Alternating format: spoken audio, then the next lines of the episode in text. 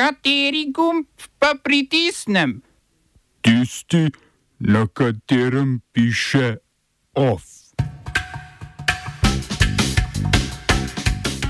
Izraelska vojska s kopensko ofenzivo proti južnemu delu Gaze.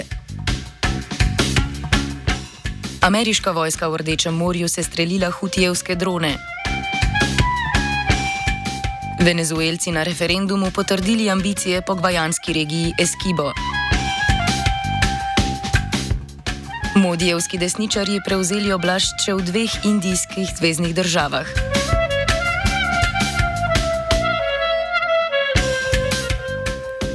Izraelska vojska je sporočila, da kopensko ofenzivo razširja na jug okupirane Gaze.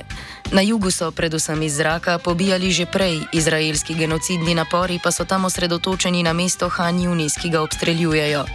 Od jutra proti mestu izraelska vojska z vzhoda pošilja svoje tanke. Prebivalcem območja je ukazala umik proti zahodu in proti Rafi, mejnemu prehodu z Egiptom. Izraelska vojska napada tudi begunska taborišča na severu Gaze in naselja na jugu. Sprva je civilistom na severu Gaze ukazala umik na jug območja, zdaj jih izrinja še odtod. Samo od sobote je v Gazi ubila več kot 800 ljudi.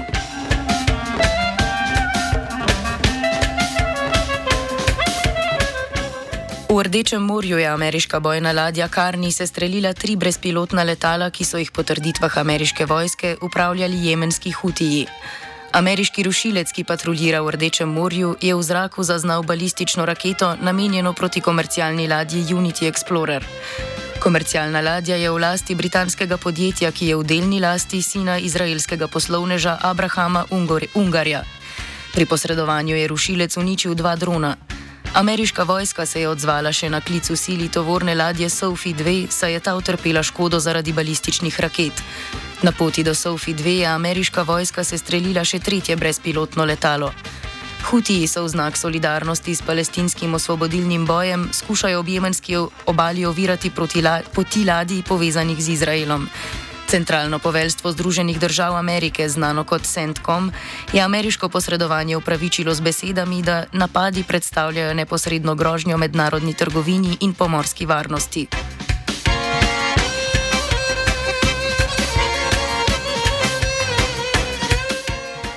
Indijska ljudska stranka, ki jo vodi premijer Narendra Modi, je na volitvah opoziciji vzela oblast v dveh centralnih zvezdnih državah. Volitve so novembra potekale v petih indijskih zvezdnih državah. Po rezultatih, ki jih je zdaj razglasila volilna komisija, se opoziciji na splošnih parlamentarnih volitvah, ki bodo naslednjo pomlad, ne piše nič dobrega. Glavna opozicijska stranka, Indijski nacionalni kongres, je na volitvah izgubila večino v parlamentih Rajastana in Čatisgarja. V obeh zvezdnih državah je večino dobila Modijeva hindujsko-nacionalistična stranka. Petič zapored je Modijeva stranka zmagala v zvezdni državi Madja Pradeš na sredi indi, hindi, hindijsko govorečega pasu, ki ga tvorijo tri naštete zvezdne države. Indijski nacionalni kongres je oblast obdržal le v Telangani. Od indijske particije do Modijevega vzpona pred desetletjem je bil kongres dominantna stranka indijske politike. Na spomladanskih volitvah jo bo predstavljal Rahul Gandhi.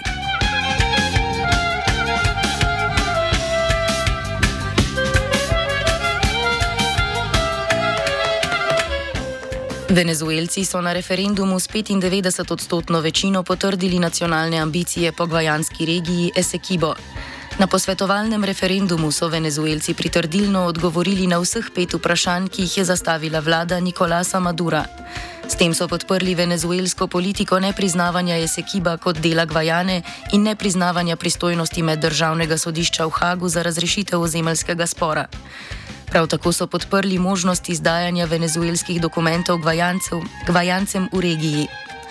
Ker je referendum posvetovalni, nima pravnih posledic, a za Madurovo vlado predstavlja mobilizacijski instrument pred januarskimi splošnimi volitvami.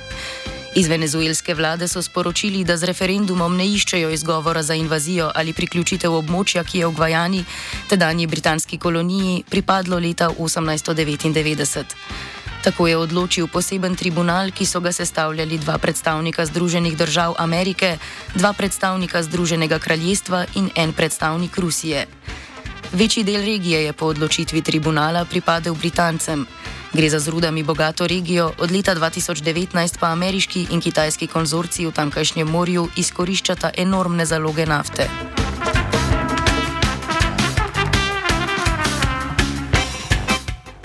Čez polsko-ukrajinsko mejo so zapeljali prvi tovornjaki po enomesečni blokadi mejnega prehoda. Na Polsko je zapeljalo 30 praznih tovornjakov iz Ukrajine, kar je sledilo odprtju enega od blokiranih mejnih prehodov.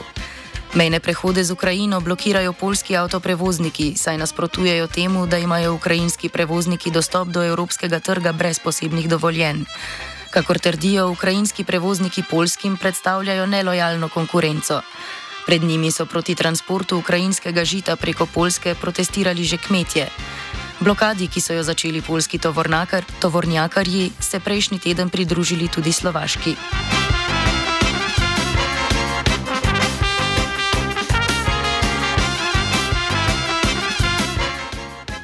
Hrvaški premijer Andrej Plenković je najavil menjavo Frana Barbariča z čela Hrvatske elektroprivrede. Dejal je, da ne obstajajo predpogoji za obstanek Barbariča na funkciji. Predsednika uprave Hrvaškega državnega elektrodistributerja je državno toživstvo obtožilo, da je na Hvaru zgradil vilo brez gradbenega dovoljenja in na zaščitenem obalnem območju. Za nezakonito gradnjo Barbariču grozi od pol leta do pet let zapora. Plenković je zatrdil, da menjava ni povezana s plinsko afero, zaradi katere menjavo Barbariča od poletja zahteva parlamentarna opozicija.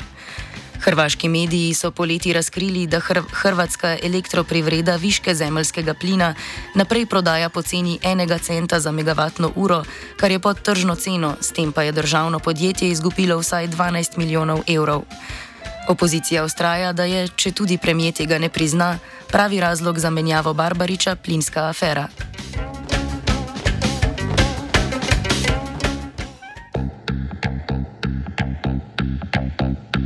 Smo se osamosvojili, nismo se pa osvobodili. Naslednje število je še 500 projektov. Izpiljene modele, kako so se strani nekdanje LDS rotirali. Ko to dvoje zmešamo v pravilno zmes, dobimo zgodbo o uspehu. Takemu političnemu razvoju se reče udar. Jaz to vem, da je nezakonito, ampak kaj nam pa ostane? Brutalni obračun s politično korupcijo. To je Slovenija, tukaj je naša zemlja! To je Slovenija! Slovenija! Na trgu republike poteka solidarnostna akcija, v kateri se udeleženci poklanjajo ubiti Mugazi in pozivajo k trajnemu premirju. Akcijo organizira Amnesty International, ki poziva k podpisu peticije za premirje. Kako je akcija videti, pojasni Taja Premk iz Amnesty International. Gre bolj za shod, solidarnostni shod, kjer bomo v bistvu se poklonili žrtvam in položili rože in pržgali sveče in se jih spomnili tudi nekako z minuto molka in poslušali njihove zgodbe. Bomo imeli eno tako kar grozljivo instalacijo na trgu republike postavljeno. Um, ob tem bomo pa v bistvu brali pričevanja žrtev iz Gaze.